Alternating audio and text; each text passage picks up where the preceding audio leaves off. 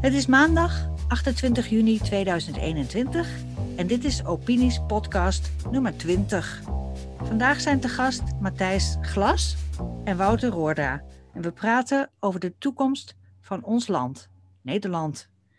Uh, Matthijs, kun je even vertellen wie je bent en waar we je van kennen? Dan horen we je stem ook. Ja, dat kan ik zeker. Uh, ik ben uh, Matthijs Glas. Ik heb um, humanistiek gestudeerd en filosofie. En ik, nou, eigenlijk sinds altijd al hè, ben ik geïnteresseerd in maatschappij en politiek en alles wat erbij komt. Dus heb ik me ook een beetje in het debat gemengd. vooral heel veel op, op Twitter. Maar ik heb ook meerdere opiniestukken geschreven voor andere, de Post Online. Voor opinie staan er één of twee. En ook bij um, Ongehoord Nederland, bij de artikelensectie. Oké, nou, duidelijk. Dankjewel. Alsje. Uh, en uh, Wouter, die kennen we ook van uh, opinies. Waar kennen we je nog meer van? Ja, ik, ik heb economie gestudeerd. ik heb een twintig jaar bij de Rijksoverheid gewerkt. En tegenwoordig dan, ben ik vooral bezig inderdaad met het schrijven van stukken dat. Voor, onder andere voor opinies en ook voor doorbraak.be en, en voor Sibin, ja, zijn site Winia's Week doe ik een okay. serie over, uh, over subsidies uh, van uh, allerlei organisaties. Ja. Nou, prima. Twee schrijvers aan boord. Ja, ik, ik, heb, ik heb dat ook wel eens iets voor doorbraak bijgedragen, realiseer ik nou ineens, ja. nou, we gaan praten over de toekomst van ons land. En veel mensen maken zich daar zorgen over. En ik wil eigenlijk een, een paar uitspraken voor jullie neerleggen en vragen of je daarop kunt reageren. De eerste uitspraak is bijvoorbeeld uh, Nederland is te vol, dat gaat een probleem worden. Wat is jullie uh, gedachte daarover? Is Nederland te vol? Matthijs? Wat mij betreft uh, vol ten dele overvol, zoals een van onze koninginnen dat ooit zo, zo mooi zei. Ja, helemaal mee eens. En ik denk dat het een probleem is wat, wat heel veel um, nadelige gevolgen heeft. En die op een of andere manier lijkt dat niet uh, in, hè, aan de politiek door te, tot de politiek door te dringen hoe groot die gevolgen ervan zijn. En uh, ja, dat natuurlijk hè, van milieubelasting tot files, de toenemende druk op de zorg, druk op de huizenmarkt is ook heel belangrijk. Hè? De bevolking die, die stijgt door immigratie, niet door bevolkingsgroei. Ja, dus Nederland wordt steeds voller door immigratie en dat, ja, dat verhoogt de druk op, op, de, op al die sectoren die ik net noemde. Ja, er lijkt hè, geen enkel bewustzijn zijn binnen de politiek van, of om daar überhaupt over na te denken of een plan over te hebben. Uh, um, ja, de, het, het wordt als een natuurverschijnsel gezien wat, uh, wat gewoon doormoddert. Ja. Het een beetje ook af van je appreciatie. Kijk, sommige mensen die vinden het met 30 miljoen in Nederland nog niet te vol. Maar ik denk van als je gewoon naar de kwaliteit van leven kijkt, dan uh, die punten die Matthijs aangeeft, dan denk ik van uh, dat uh, ja, met, met, met minder mensen neemt denk ik de kwaliteit van leven in, in grote delen van, van Nederland neemt toe, denk ik. Als we dus minder op elkaar zitten, ja, ik, ik, hmm. persoonlijk ben ik vanuit de Randstad naar de Achterhoek verhuisd. En ik moet zeggen van ja, dat, dat bevalt mij erg goed. Het, er zijn heel veel dingen die je niet meer hoeft te plannen en zo. Van, het is gewoon, uh, ja, als je eruit wil, dan uh, is het gewoon uh, ja, ontspannend om door de natuur te lopen en zo. En ja, je zit gewoon niet hutje-mutje met elkaar, met, met druk verkeer, met, met van alles en nog wat. Ik, ik, ik vind dat ja, door van Utrecht naar de stad Utrecht, naar de Achterhoek te verhuizen, dat, dat mijn kwaliteit van leven is toegenomen. Maar goed, ik weet nog dat ik de makelaar belde in Utrecht en de telefoon werd opgenomen en ik zei, ja, ik wil het huis verkopen, ik zoek een makelaar. En uh, die mevrouw zei van, oh ja, leuk, nou dan kunnen we wel iets voor u doen. Waar gaat u eigenlijk naartoe uh, verhuizen? En dan zei ik van, ja, naar de Achterhoek. De Achterhoek? dat was een heel denigerend antwoord, ja. Dus het, daarom zei ik ook aan het begin, het is ook een kwestie van smaak. Ik bedoel, uh, sommige mensen leven graag ook in, ja, in New York of in Singapore of in Hongkong of anderszins. Dat, daar is het natuurlijk nog veel drukker dan hier. Ja, er zijn natuurlijk gedachten om van, van ons land uh, gewoon één grote stad te maken. Hè? Dat idee, dat hoor je soms van. Het, wij moeten het New York van Europa worden. Ja. Nou, dat, mm Het lijkt me dat daar geen meerderheid voor is onder de bevolking. Ik, ik denk, wie, wie je ook spreekt, van, uh, ik, ik, hoor weinig mensen die dat een goed idee vinden. Maar goed, dat is misschien mijn bubbel. Hm. Ja, hoe is jouw bubbel, Matthijs? Uh, heel, heel divers, hè? Mhm. Van de GroenLinks-stemmers tot, tot PVV-stemmers.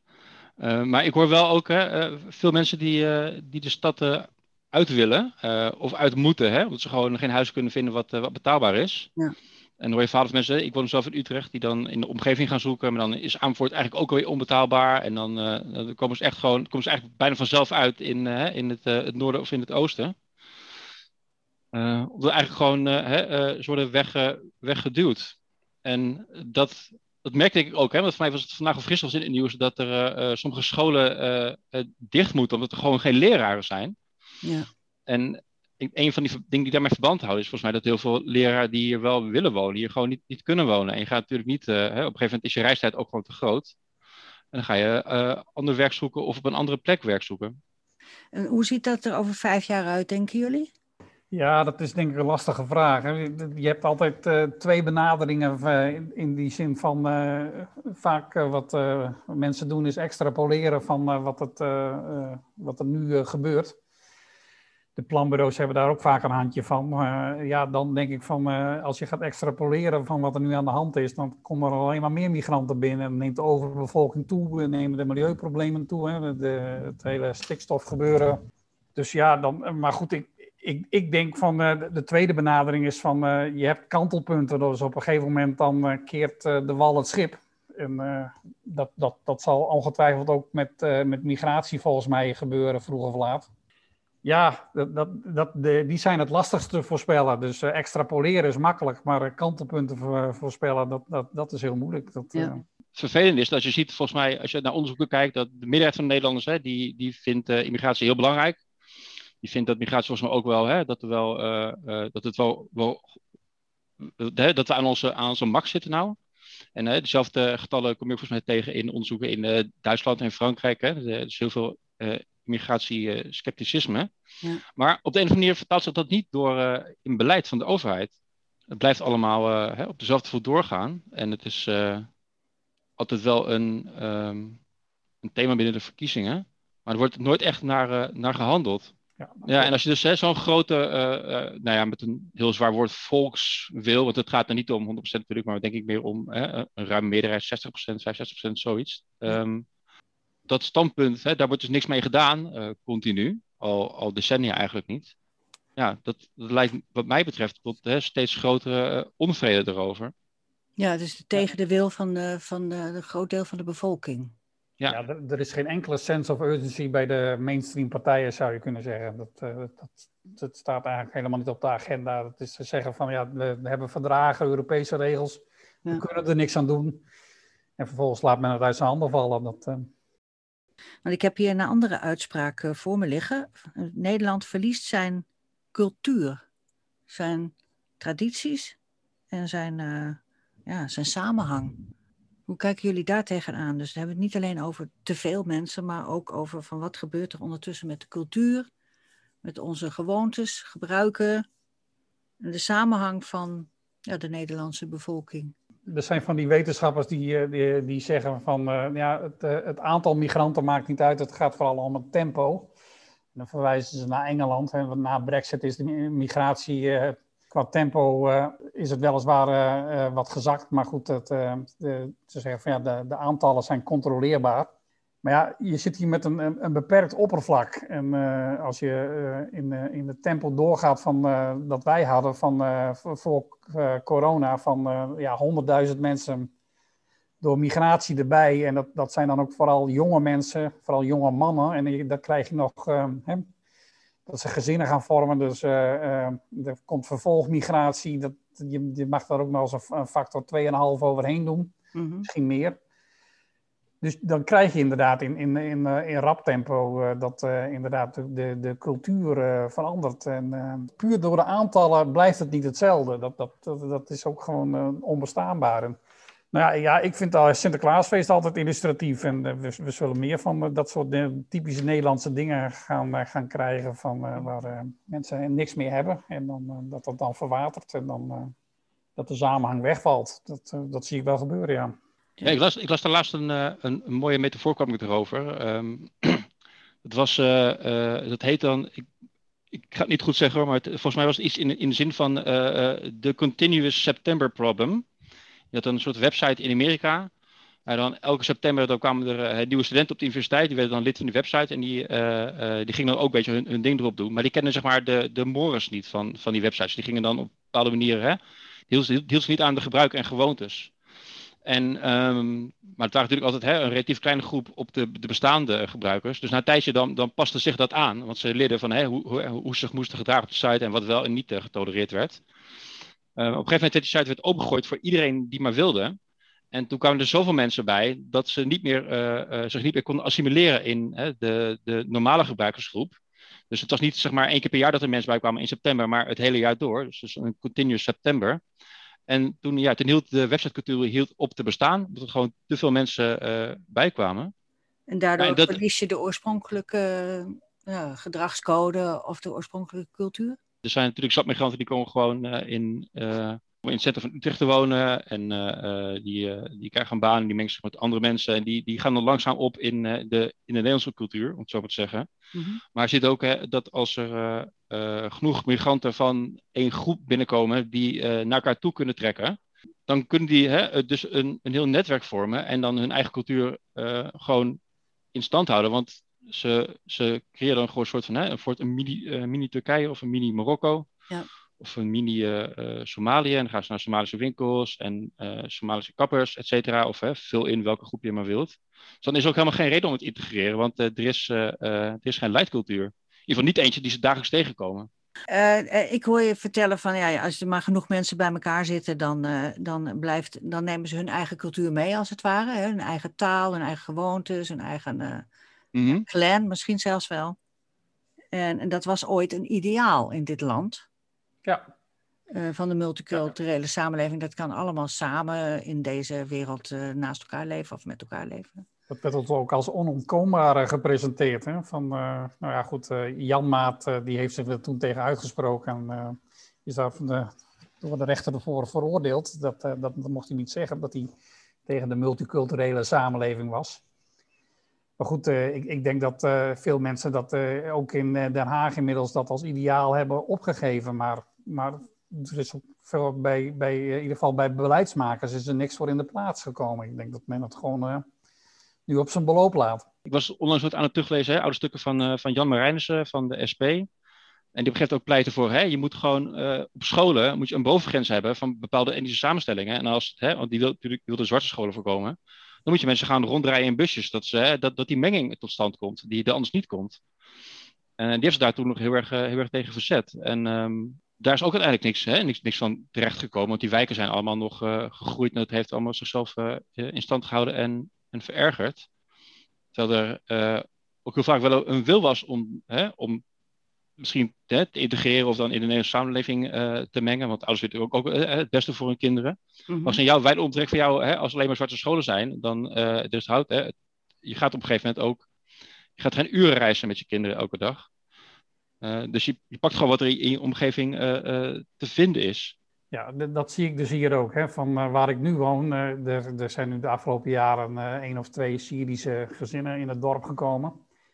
En die hebben geen andere keus dan nou, hun kinderen naar een, een, blanke basisschool te laten gaan, zal ik maar zeggen. Mm. En je, je, ziet dat die kinderen, die, die gaan overal meedoen. Die zie je bij de voetbalclub of bij de korfbal en andere activiteiten op school. Ja, die ouders die zie je niet, maar de, de kinderen die, ja, die die zoeken wel hun leeftijdsgenoten op. En dat, dat, dat moeten ze dan dus ook noodgedwongen, eh, zal ik maar zeggen, tussen aanhalingstekens. Maar goed, ja, nou, in, in, de stad hoeft dat dus niet. Daar hebben ze hun eigen, uh, nou ja... Netwerk? Hun eigen netwerk, inderdaad, ja. Nou, ik herinner me nog Harm Beertema van de, de PVV. Die zei er laatst wat over in een, een Tweede Kamer meeting. Ja, had, dat ging dan over achterstanden in het onderwijs. En zei inderdaad, ja, weet je, ik, ik ben, hè, hij is heel lang leraar geweest. Hij kwam bij die mensen thuis en hij zei, ja, die keken dan, hè, wat, wat we net ook al zeiden, die gaan dan naar uh, de, de Turkse kapper en die kijken Turkse tv. Dus die praten overal Turks, behalve op school. Dus het, wordt aan, aan de overheid eigenlijk overgelaten om, uh, om die kinderen te integreren. Want van huis uit krijgen ze dat, uh, dat niet mee. En nou, die beginnen dus eigenlijk wel met een taalachterstand. En dat heeft natuurlijk hele vervelende gevolgen weer hè, voor, voor heel veel loopbanen, loopbanen en carrières ik heb het idee dat we, dat we wat dat betreft al voorbij een soort van um, point of no return zijn. Dat die groepen uh, zijn zo groot dat ik nu, nu, niet heel goed meer zie hoe je die ervan kunt overtuigen dat ze zich toch meer Nederlander zouden moeten voelen dan bijvoorbeeld Turk of Marokkaan.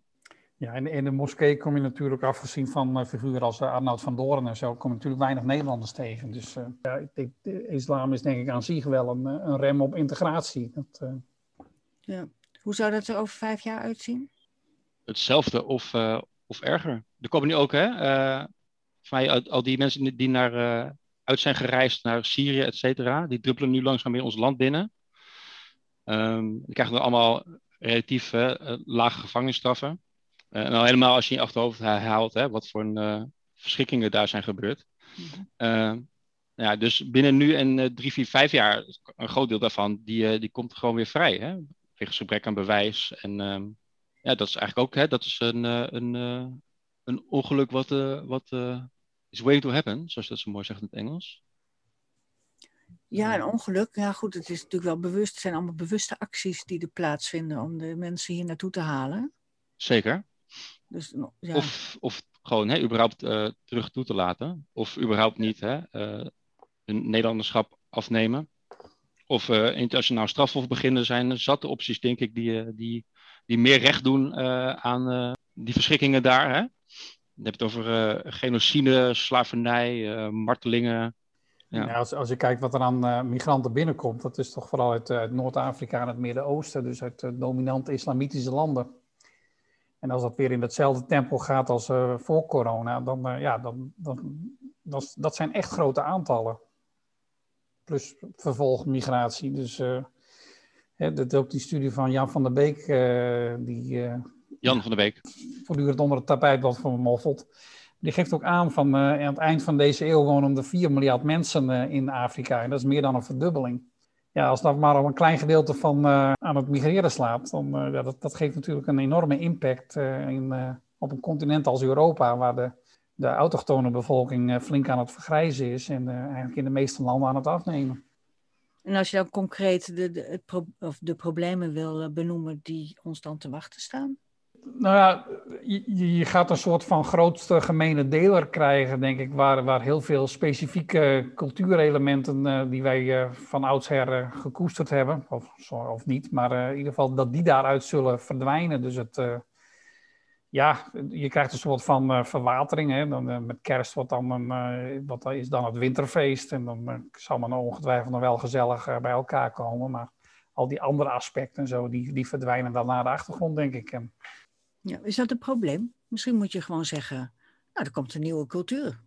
Ja, alles verandert, dus waarom de cultuur niet? Ja, nou, dat is eigenlijk ook wat mevrouw Kaag zegt en zo. Hè. Die heeft het over Europese waarden en zo. Ja, ik, ik, ik denk dat dat een contradictio is. Maar goed, uh, daarvoor zijn we te verschillend van elkaar uh, in, uh, in Europa. Ja, dat zou ze zelf ondertussen misschien ook gemerkt moeten hebben. Van, als ze goed heeft geluisterd naar hoe men in, in Oost-Europa erover denkt. Maar hm, ja. Wij, wij, ja, gemeenschappelijke waarden, eh, tot op zekere hoogte natuurlijk hebben we die. Maar dat gaat niet zo ver als, als dat we dan bijvoorbeeld binnen Nederland hebben. Die, die, ik denk dat de verschillen tussen, tussen landen, wat, ik bedoel, als we een land als, als Engeland gaat dan uit de EU, dan krijgen we Albanië van, voor terug dan straks ik, zie niet in hoe dat bijdraagt van dat, dat, dat, dat een uh, gemeenschappelijk Europees waardenstelsel. Ik denk dat, uh, dat die verschillen echt uh, enorm zijn. En, er bestaat niet één Europese cultuur, zeg jij? Nee, ik bedoel, we zijn allemaal voor, voor vrije verkiezingen en zo. En, en, en, en dat soort elementaire grondrechten zijn gewoon ontzettend groot. Ja, dat heet dan met een mooi woord volgens mij one size fits none. Ja, ja precies. Ja, en ik dacht, want er zijn heel veel er zijn, zijn gemeenschappelijke waarden, maar die zijn denk ik allemaal zo super abstract. En de meeste Europeanen zullen die ook wel onderschrijven. Um, maar om dat nou een, een, basis te maken voor echt een, een, een diepgaande uh, samenwerking. Hoe verder mensen en volkeren van jou afstaan, hoe minder verbondenheid je uh, uh, daarmee voelt. Nee. Dus er zijn eigenlijk nu al twee behoorlijke negatieve ontwikkelingen benoemd. Het ene is van Nederland is te vol er komen te veel mensen binnen om het nog goed te houden hier. En er is uh, eigenlijk te weinig gemeenschappelijk te vinden, zowel binnen de EU als zelfs binnen Nederland. Als je zoveel verschillende groepen binnenhaalt. Dus gaat de samenhang gaat verloren. Maar ook binnen de EU is er ook geen samenhang. Dus dat zijn al twee uh, zeg maar negatieve ontwikkelingen die we kunnen zien. Uh, is Nederland nog een vrij land? Nederland is geen vrij land meer, zeggen een aantal mensen. Ik zeg het zelf ook hoor. Maar uh, de regels, die gaan, er komen steeds meer regels. Je hebt geen ruimte meer voor andere meningen. De censuur. er is een, een agenda die van buitenaf wordt opgelegd. er is sterk, steeds sterkere sturing door de overheid. Um, er is steeds minder aandacht voor individuele vrijheid. Is dat een trend die jullie ook zien? Ja, dat vind ik wel een verontrustende ontwikkeling. Ja. Ik ook, zeker. Die punten die zie ik ook wel. Ik zie nou bijvoorbeeld recent hoe dat nu gaat. Uh, het lijkt op een of andere gecoördineerde actie tegen boeren bijvoorbeeld. Hè? Van uh, er moet gebouwd worden. Uh, boeren zijn stikstofvervuilers, dus ja, wat, uh, wat doen we? Die boeren moeten weg en de, bij wijze van spreken, de politiek heeft hun grond al verdeeld voordat, er, voordat ze ook maar iets hebben kunnen doen. Dat, ja, er staan al woontorens op, bij wijze van spreken. Ja, ja maar goed, dat, dat soort acties inderdaad. Maar jij, al die dingen die jij noemt, die herken ik. Dat, de, dat, dat zijn verontrustende ontwikkelingen, ja ook bijvoorbeeld hè, natuurlijk uh, de regeldruk voor, voor ondernemers die echt enorm hoog is. Ja. Uh, alle wet, wetten waar jij moet voldoen, waarvan ook een groot deel volgens mij uit, uh, uit de EU komt. Um, maar ik denk ook hè, dat, dat, dat, dat, dat vind ik ook wel naar om te zien, dat um, de overheid steeds meer... Bijvoorbeeld, laatst, wat gaat nou binnenkort in? Volgens mij per 1 juli of zo, dan wordt het dus verboden om 50% korting te geven op, op drank. Ja. Zo'n twee halen en talen mag dus niet meer. Um, en dan vraag ik me weer eens af, willen ze meer accijns binnenhalen of zo? Want hè, er wordt natuurlijk, de gemiddelde prijs van alcohol wordt dan eigenlijk hoger omdat er minder korting is. Um, of is het puur de volksgezondheid? En zelfs als het dat is, hè, is het niet gewoon aan mensen zelf om, om, om dingen niet te kopen of wel te kopen of, of gezond te zijn? Mm. En dat van heel veel mensen het ook gewoon wel, wel heel fijn vinden dat de overheid dat dan voor hun bepaalt. Maar dan bepaalt, over, bepaalt het dan natuurlijk hè, voor iedereen en niet alleen voor de groep die het goed vindt. Ja, vlees eten, dat soort dingen. Bijvoorbeeld ook, mm. ja. Um, ja. Ik ben toch meer iemand die dan liever ziet dat dat uh, bottom-up ontstaat, dan dat de overheid dat per se met een maatregel moet, uh, moet afdwingen. Als het zo doorgaat, hoe ziet het er dan uit over vijf jaar volgens jullie? Nou ja, wat, wat ik dus inderdaad wel vrees, is, is dat dat. Uh, die grens die schuift steeds een klein stukje op. Hè? Uh, bijvoorbeeld dat je dan bijvoorbeeld klimaatlockdowns zou kunnen krijgen. Dat, bedoel, ja, dat, dat klinkt. In ieder geval een paar jaar geleden had ik dat wel absurd gevonden. Maar ik kan me er nu iets bij voorstellen. Van, we hebben dat met corona gehad. Lockdowns, waarvan we nu toch eigenlijk wel hebben gezien dat het. ja, voor het bestrijden van een virus dat het niet zo zinvol was. Maar wellicht om CO2 terug te dringen, dat het misschien wel nuttig is geweest ja, dat, dat mensen dus hun toevlucht zullen nemen tot in ieder geval de overheid, tot, tot dat soort maatregelen. En, ja, in Nederland is het vertrouwen in de overheid op de een of andere manier is, is echt enorm. Is enorm groot bij heel veel groepen. Terwijl je eigenlijk dagelijks berichten ziet in, in de media van dat de overheid op zoveel fronten opzichtig vaagt, faalt. Mm Bijvoorbeeld hè, qua informatietechnologie leeft de overheid eigenlijk nog in het stenen tijdperk, zou je kunnen zeggen. Mm maar ja, je, je, dan krijg je denk ik juist van de, dit soort rigoureuze, simpele maatregelen, als, als bijvoorbeeld denk ik een, een klimaatlockdown, om, om toch te voldoen aan, aan de, die ja, minder CO2. En ook zo'n zo groep als Urgenda begint zich weer te roeren, van zonder achterban, maar gesteund door de postcode loterij dat, die de druk op de overheid houdt om, nou ja, dat er toch vooral iets aan, de, dat CO2-probleem moet, moet gebeuren. Dus ja, ik, ik, vrees wel voor eenvoudige, simpele maatregelen die erg ingrijpen in het dagelijks leven van mensen. En gaan de mensen daar ook in mee, denk je, Matthijs? ja, dat denk ik wel. Hmm.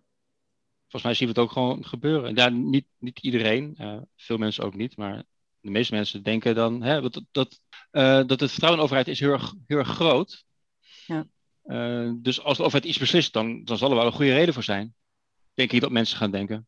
Zelfs als de feiten anders zijn, hè, van zoals we, we hebben nu de afgelopen tijd gezien van de, met die biomassa, dat dat tot massale bomenkap leidt en dat dat een, een weinig efficiënte manier is om te komen naar het realiseren van die klimaatdoelen. Dat het in tegendeel vaak averechts werkt. Maar toch wordt daarmee doorgegaan. En ja, de protesten daartegen, die, die zijn, ja, de, zijn gering. Men gaat daarin mee. Wat ik overigens wel verwacht, ik had het net over die boeren, uh, is dan, ja, we zien nu dat veel van die gronden, die, ja, we zien van die weidens met zonnepanelen verschijnen en met, met hoge windmolens erin. Mm -hmm. Uh, ik verwacht wel dat, uh, dat daar het verzet uh, flink tegen gaat toenemen. Ik merk dat in ieder geval hier in de achterhoek, waar het weinig waait, dat echt men massaal tegen die windmolens is. Dus hopelijk dan vertaalt zich dat in, een, in een uitslag bij de gemeenteraadsverkiezingen, dat men dus nog eens even achter de oren krapt van of dat nog wel zo'n goed idee is om dat helemaal ons land vol te zetten met, behalve met, met huizen, dan ook nog met windmolens en zonnepanelen. Ja, hoeveel invloed hebben de Nederlanders op deze ontwikkeling?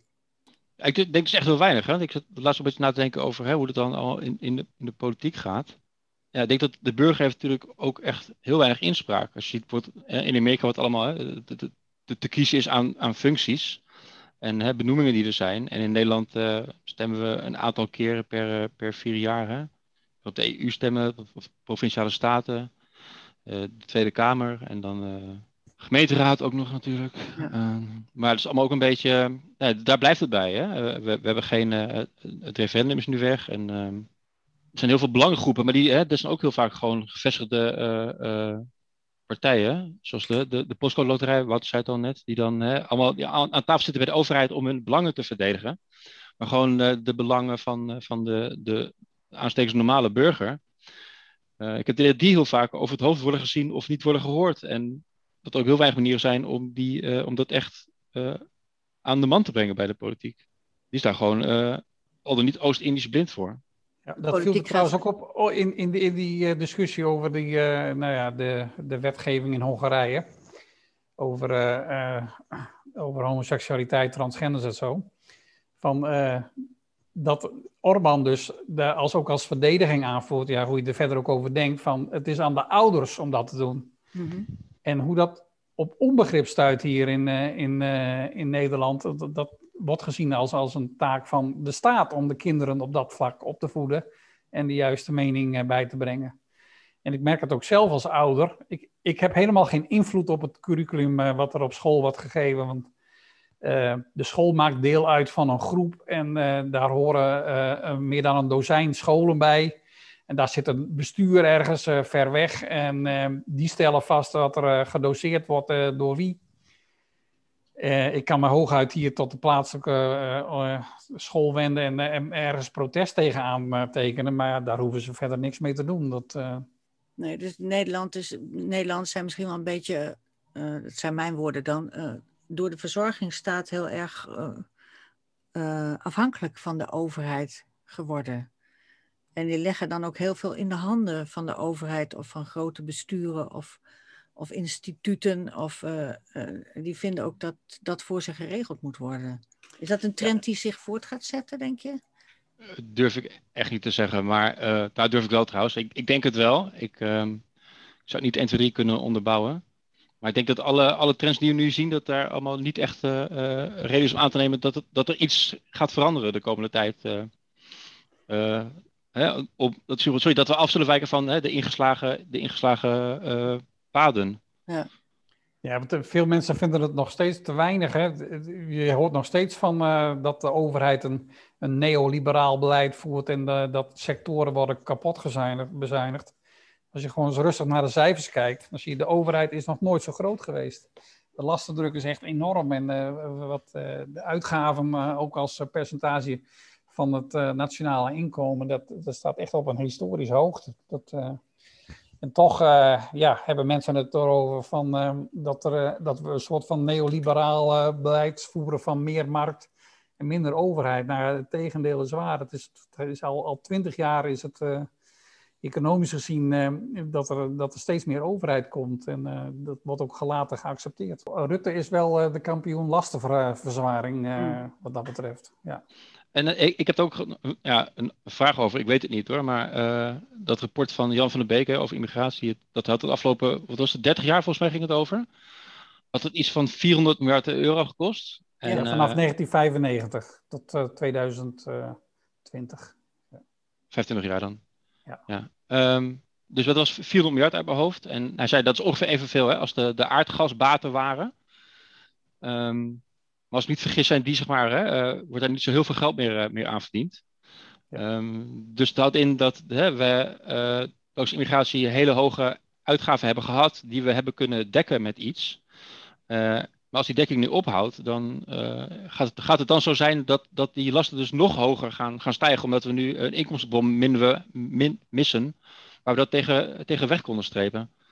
Ja, ja, ja, dat klopt. De uitgaven uh, uh, die veroorzaakt worden door migratie, die, die nemen ook alleen maar toe. Hè. In het, het rapport worden die geschat op 600 miljard voor de periode 2020 tot 2040. En inderdaad, die, de, die, ja, die makkelijke aardgasbaten, die, die gaan grotendeels verdwijnen. Ja.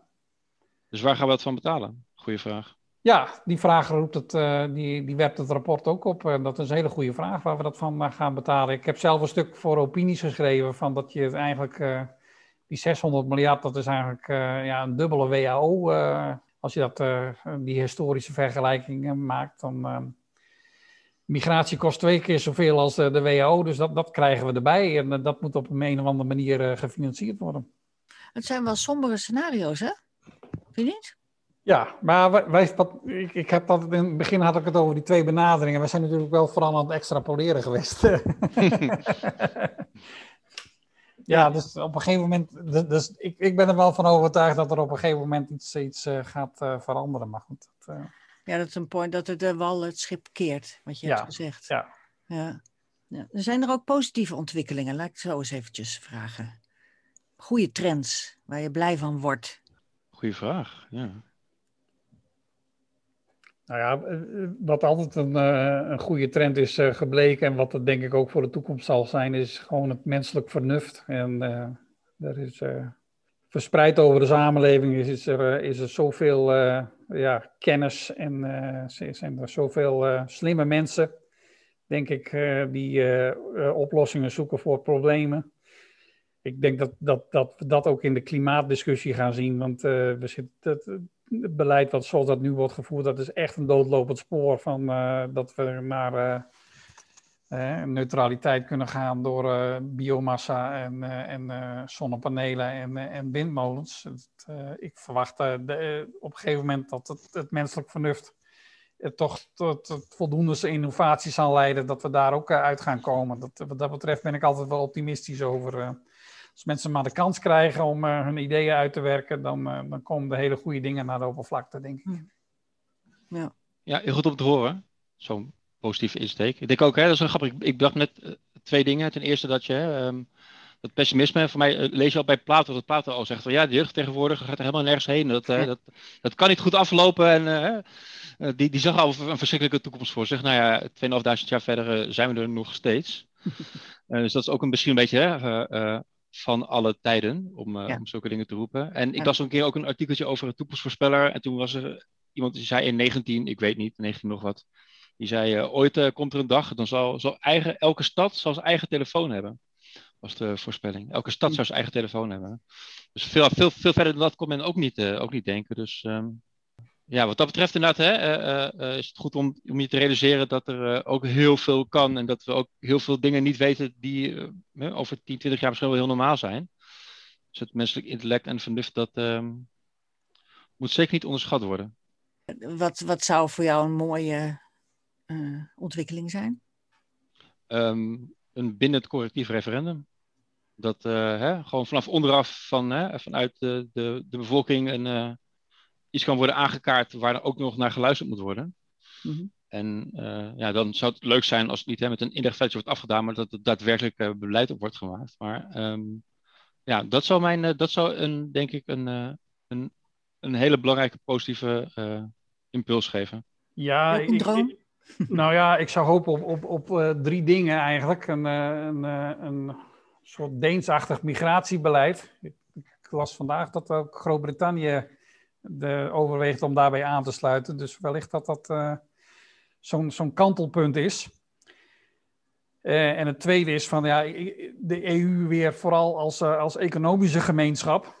en niet als transfer union of, of anderszins van als, als waardegemeenschap of tenminste die kant op moeten. Hmm. En een derde punt zou ik zeggen, ja, een, een, een technologische doorbraak, voordat we de, de, de, de klimaatproblemen, vermeend of echt, uh, dat we die op een goede manier uh, kunnen aanpakken. Dat we echt naar een, nou ja, volgens mij hebben we daar ook de tijd voor, naar een, een, een, een, duurzame energievoorziening gaan. dus wel, wel weg van fossiel, maar dat we dan ja, daar een, dat, goede, goede ontwikkeling in gang kunnen zetten de komende jaren op basis van innovatie en technologisch vernuft. En als we dan zeg maar, het bindende referendum van uh, Matthijs erbij pakken, dan gaan we de bevolking daarin een hele belangrijke rol geven. Dat, ja, dat lijkt mij ook een goede zaak. Ik ben er altijd uh, wel een voorstander van geweest. Ja, ja. Over klimaat, over immigratie, over. ja.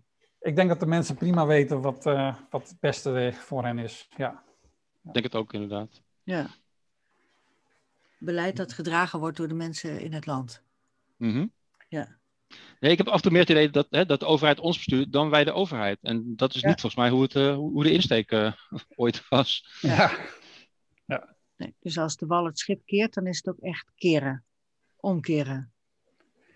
Nou ja, dat, dat is uh, in Zwitserland, daar was de elite, zal ik het maar zeggen, de politiek, de media, men was het allemaal eens over het klimaatbeleid dat gevoerd moest worden. Totdat het in een referendum aan de bevolking werd voorgelegd. Die, die zegt nee. En dan gebeurt het dus niet. Nee. Ja. ja, sterk. Ja. En dat zou ook heel veel mensen zijn natuurlijk bang voor referenda, maar het, het gebeurt ook voor mij, het is vaak zat gebeurd dat de mensen in Zwitserland, uh, dat ze voor belastingverhoging stemmen. En mensen willen best belasting betalen, maar het moet wel dan voor, hè, voor een goed doel worden gebruikt, wat zij ook, waar zij het nut van inzien. Ja. Dus mensen denken wel eens, hè, als ze referenda komen, dan, uh, gaan we naar, dan wil niemand meer belasting betalen. Maar ja, de mensen weten dus, hè, zoals Wouter al zei, weten heel goed wat goed voor ze is. En die willen er ook best wel voor betalen, maar ze moeten wel uh, het nut ervan inzien. Nou, we hebben heel wat uh, de revue laten passeren. Okay, dus we, hebben wel, we zien wel wat negatieve ontwikkelingen, maar helemaal pessimistisch zijn we niet, toch? Nou, ik weet of ik pessimistisch ben, maar ehm, ik denk dat er mogelijkheden zijn hè, waar, waarop dingen beter kunnen ik zie alleen niet 1, 2, 3 niet in dat die per se uh, heel snel gaan, gaan gebeuren. Of hoe die zou, zouden moeten gaan gebeuren. Maar ze kunnen wel. Nee, zeker niet als je kijkt van hoe de kabinetsformatie nu loopt. Denk ik niet van de, die dingen waar ik, die ik had genoemd van waar ik op hoop de komende jaren, dat die, dat die snel gerealiseerd zullen zijn. Nee, dat geloof ik niet.